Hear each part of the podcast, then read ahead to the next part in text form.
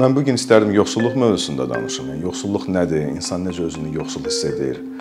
Yoxsulluğun hansı təzahürləri, yanaşmaları və hansı növləri var?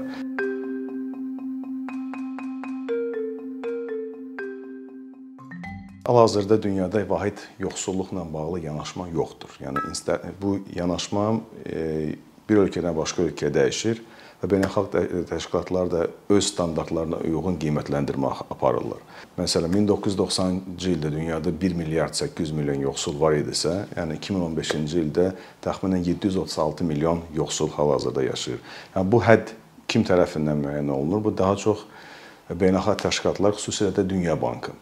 Məsələn, 90-cı ildə yoxsulluq həddi 1 dollar dəyərində qiymətləndirilirsə, hal-hazırda yoxsulluğun həddi təxminən 2 dollar, gündəlik 2 dollar həddində qiymətləndirilir. Yəni bu deməkdir ki, əgər bir insan gündəlik ə, ə, xərci ə, 2 dollardan aşağıdırsa, o mütləq yoxsul hesab olunur. Yəni yoxsulluq həddi də hər bir ölkədə müxtəlifdir. Məsələn, mən Azərbaycana qayıdacağam onunla bağlı. Tutaq ki, Bəzi ölkələrdə yoxsulluq həddinin qiymətləndirilməsi də fərqlidir. Məsələn, bəzi ölkələr yoxsulluq həddi və aclıq həddini ölçürlər. Bəzi ölkələr ancaq yoxsulluq həddini ölçür, ölçürlər. Yəni bununla bağlı müxtəlif paradigmalar, müxtəlif mübahisələr, diskussiyalar mövcuddur. Başqa bir ölçü vahidi, yəni alıcılıq qabiliyyəti pariteti deyilir. Yəni bu Bu o deməkdir ki, məsələn, siz 10 dollara bir ölkədə nə ala bilərsiniz?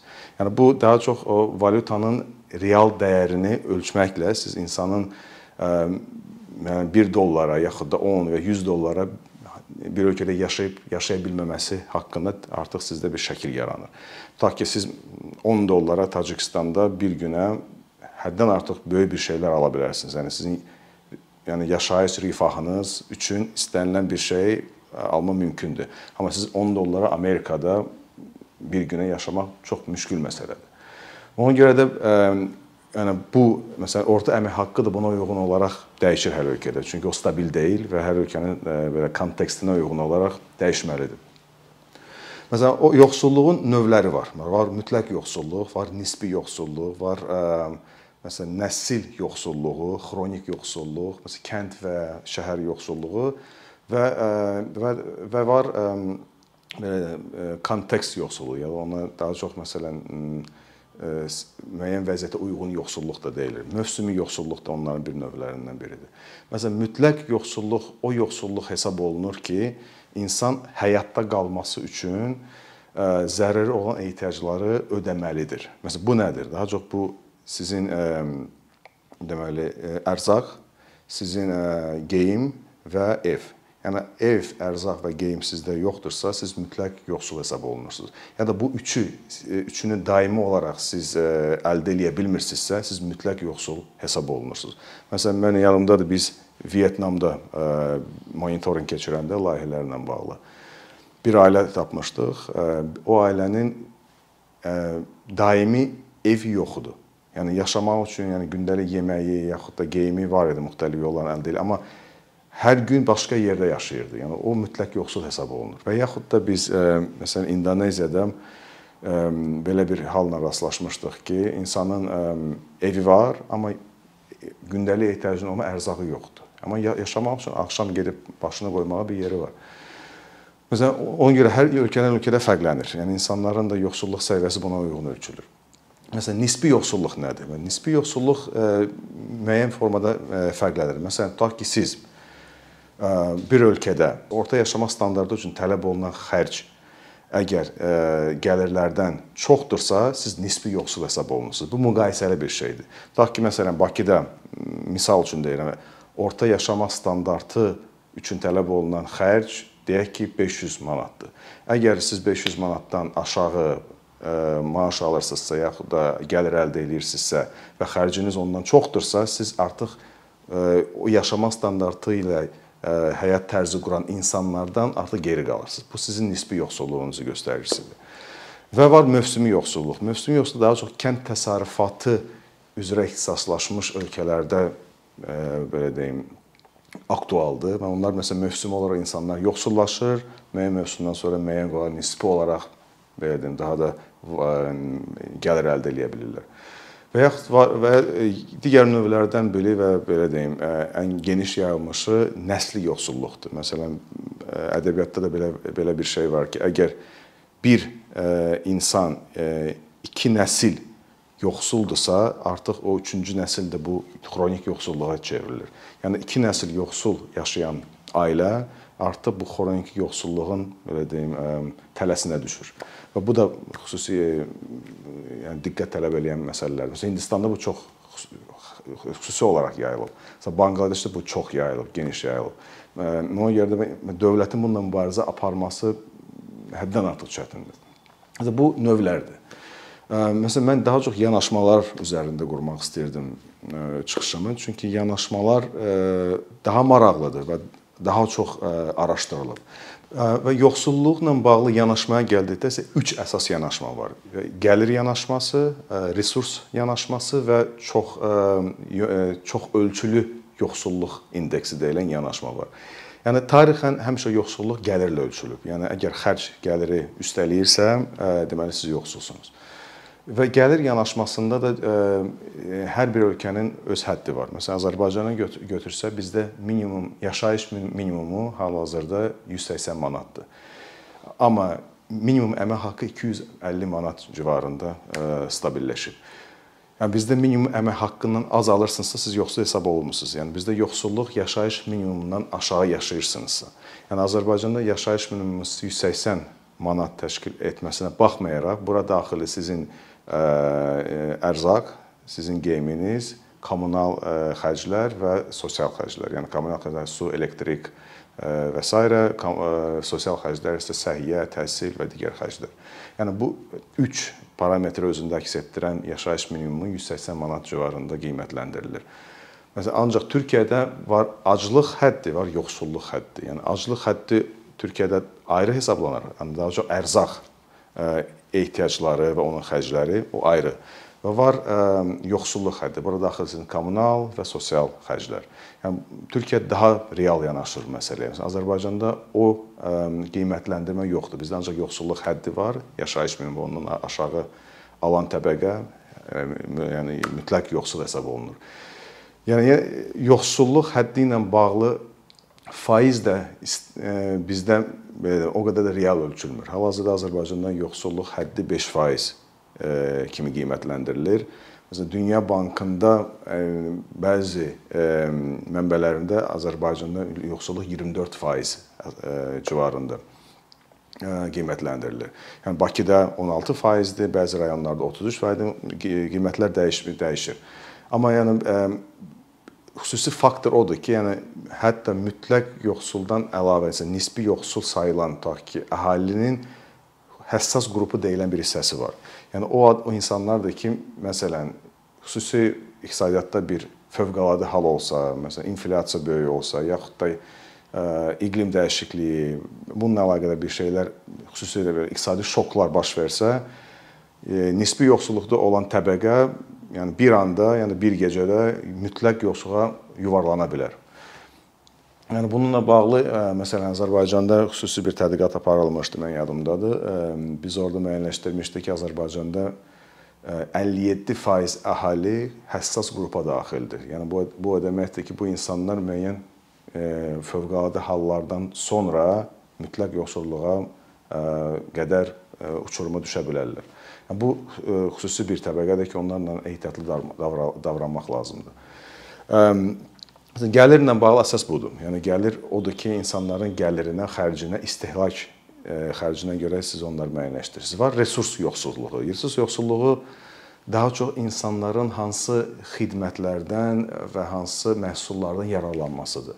Ta ki siz görə bilərsiniz ki, bəzi kəndlərdə bizdə insanlar qazana bilir, amma içməli suya və kanalizasiya çıxışı yoxdur, səhiyyəyə çıxışı yoxdur və yaxud ə, həmin kənddə məktəb yoxdur. Məsələn, bu resurs yoxsulluğunun göstəricisidir.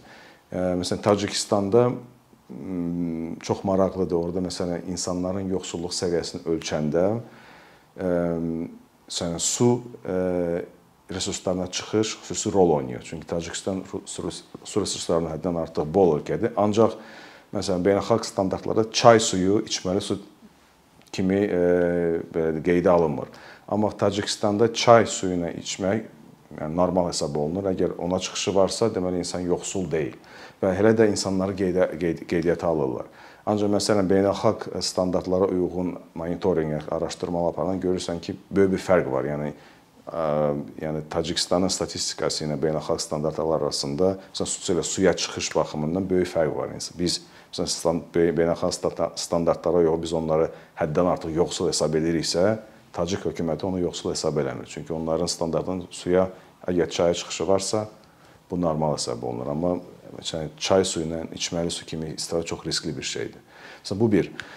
Və yaxud da biz mənim yadımdadır Məsələn biz Qəzza zolağında biz xüsusi bir missiya ilə getmişdik. Orada bir layihənin qiymətləndirilməsinə. Orada məsələn balıqçıların Aralıq dənizində balıq ovlamaqla bağlı xüsusi icazələri lazımdır. Məsələn Fələstinlilər ancaq 25 kilometrə qədər balıqçılıqla məşğul ola bilər, balıq ovlaya bilərdilər. Çünki İsrail ordusu orada xüsusi nəzarətdədir və əgər o təyin olunmuş o həddi keçirsinizsə, məsələn, atəş aça bilərlər sizə. Məsələn, orada biz balıqçılarla söhbət edəndə bizə belə bir şey deyirdilər ki, biz 25 kilometr həddə məsələn balıq ovlamaq o qədər də məhsuldar deyil. Çünki o o civarda, yəni o həddə balıq o qədər də olmur. Məsələn onlar həddən bəzi bəzi dövrlərdə də xüsusi sularda məsələn limitləşdirirlər o o məsafəni. Bəzən məsələn 25 kilometrdən 20 kilometrə qədər endirirlər və s. və insanlar məsələn ovçuluqla, özünüzə ovlama balıq ovçuluğu ovu ilə məşğul ola bilmirlər. Məsələn bu onları məsələn resurslardan e, həddən artıq geri salır. Məsələn insan əgər gündəlik tutaq ki 50 yaxud 70 balıq ovlaya bilirdisə, o onu həddən artıq e, limitləşdirir, məhdudlaşdırır.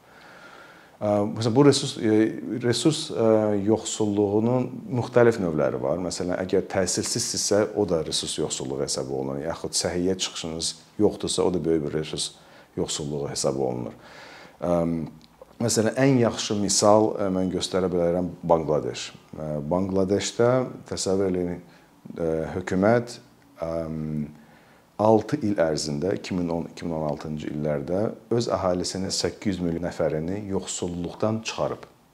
Yəni bu 6 il ərzində 3 əsas ə, islahatı keçirdikdən sonra görürük ki, insanlar özü artıq özünü yoxsulluqdan, gəlirlərini, yəni yoxsulluqdan çıxa biliblər. İkincisi, gəlirlərini çoxalda biliblər və bunu öz nəsildən nəslə ötürə bilirlər. Bu nədir? İlk olaraq e, məsələn ən böyük reform e, islahatlar onlar e, torpaq islahatı. Yəni torpaqları hər bir əhalinin özəlləşdirilməsinə icazə verdilər. İnsanlar artıq özü özlərinin torpaqları oldu. Kənd təsərrüfatına və özəl sektoruna məşğul olan şirkətlərə həddən artıq böyük vergi güzəştləri tətbiq olundu. 3 onlarda iqtisadiyyat elektronlaşdırılmağa başladı. Yəni artıq fiziki olaraq müxtəlif sənədlərin alınması, yaxud verginin hesabatlarının verilməsinə ehtiyac olmadı. İstənilən istənilən xidmətləri elektron alıb yaxud sata bilərsiniz. Məsələn, internetin qiymətləri həddən artıq düşdü orada. Və 6 il ərzində insanlar gördülər ki, özəl sektor dövlətin görə bilməyəcəyi çox xidmətləri artıq eləyə bildi. Və bu dövlət artıq öz rolunu daha çox yəni xidmət göstərən yox, yəni e, sahəni idarə edən bir qurum kimi e, fəaliyyət var, fəaliyyət göstərməyə başladı. Yəni artıq xidmət sahəsini özəl sektora yönəltdi. Yəni bu çox vacib bir faktor idi. Çünki biz orada biz e, həm fermerlərlə görüşdə, həm özəl sektorla görüşdə görürdük ki, insanların artıq çox yükü aradan qalxıb və insanlar məsələn özəl sektorun gücünü görə biliblər. Bu bir və görürlər ki, insanlar artıq e, xüsusilə banklara həddən artıq inam artmağa başlayıb. Yəni bu çox böyük bir faktor idi. Yəni 6 il ərzində 800 milyonu yoxsulluqdan çıxarmaq həqiqətən böyük bir belə də hünər tələb eləyir. Bəzi ölkələrdə isə əksinə, məsələn, e, Afrika ölkələrində bu proses çox da e, irəliyə getmir. Əgər statistikaya baxsaq, yəni dünyada yoxsulların sayı azalır, amma bu azalmanın böyük payı, yəni 70-80% payı e, Asiya ölkələrinin payına düşür. Yəni bura aiddir e, Çin, Vyetnam, İndoneziya, Bangladeş, Sinqapur, və və, və məsələn Yaponiya və s. və s. Məsələn bu ölkələrdə məsələn iqtisadiyyatın liberallaşması, özəlləşməsi, elektronlaşması həddən artıq insanların bu yoxsulluq tələsindən çıxmasına töhfə verir. Bu bir. Və sonuncu məsələn çox ölçülü yoxsulluq indeksi bu daha çox İngiltərədə Oxford yoxsulluq və insan inkişafı təşəbbüsü deyilən mərkəzdə bu indeks hesablanır və bu indeks insanların 3 prinsip üzərində yoxsulluğunu ölçür. Yəni buna görə bu gəlir yaxud resurs üzərində qurmur, hər ikisini birləşdirir. Yəni burada 3 prinsip var. Yəni birinci birinci prinsip odur ki, sizin həyat tərzinizin ya da yaşayış tərzinizin standartına baxır.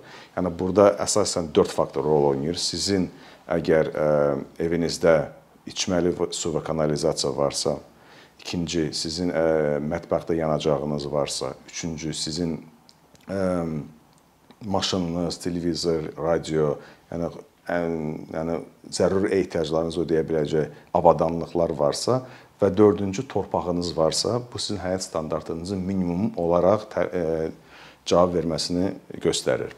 Bundan sonra ikinci gəlir səhiyyə və üçüncü gəlir ə, təhsil. Və hiss elə biz məsələn mən öz işimdə də görürəm bir çox beynəlxalq təşkilatlar da öz fəaliyyətlərini inkişaf etməkdə olan ölkələrdə bu yöndə qururlar. Ya səhiyyəyə böyük investisiya eləyirlər, ya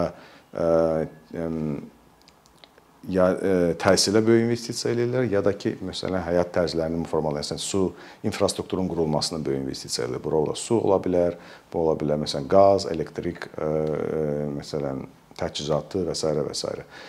Yəni bu prinsiplər üzərində quranda həqiqətən real inkişafı görə bilirsiniz.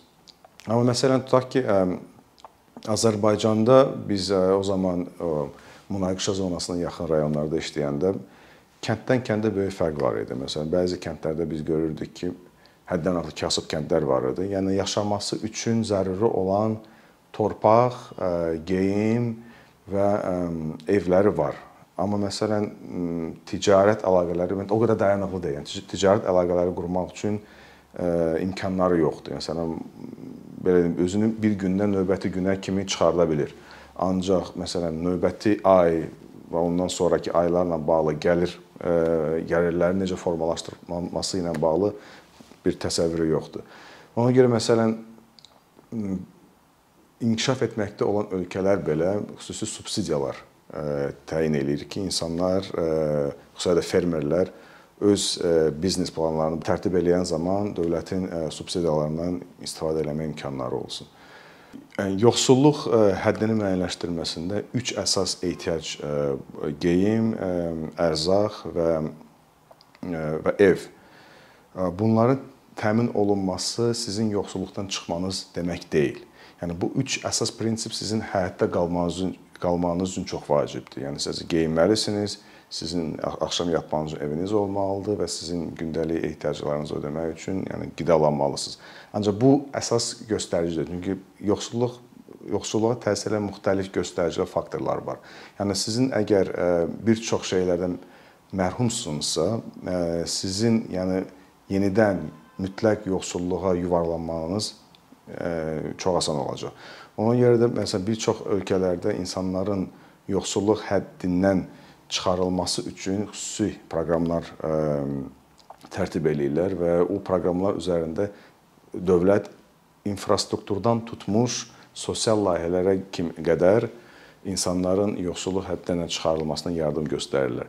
Yəni dövlətin rolu həddən artıq böyükdür. Yəni dövlət əgər infrastruktura sərmayə qoymursa və insanların maliyyə çıxışını təmin etmirsə, insanlar o səviyyədə qalacaqlar. Məsələn, BMT-nin dayanıqlı inkişaf məqsədlərində də xüsusilə göstərilmişdi ki, yoxsulluğun aradan qaldırılması üçün dövlət öz səlahiyyətlərinin bir çoxunu özəl sektora ötürməlidir. Çünki artıq dövlətin həddən artıq yüklənməsi, həddən artıq xidmətlərin özündə cəlb etməsi bir çox xidmətlərin insanlar tərəfindən ə, yəni al alına biləcək, daha insanlar üçün daha asan ola biləcək səviyyədə qurulmasına problemlər yaradır. Ona görə də bir çox ölkələr artıq özəl sektorda əməkdaşlığa keçirlər ki, çünki özəl sektor insanlara daha sata, satıla biləcək, insanlar üçün daha asan xidmətlər, məhsullar ortaya çıxarıb onlardan gəlir qazana bilirlər.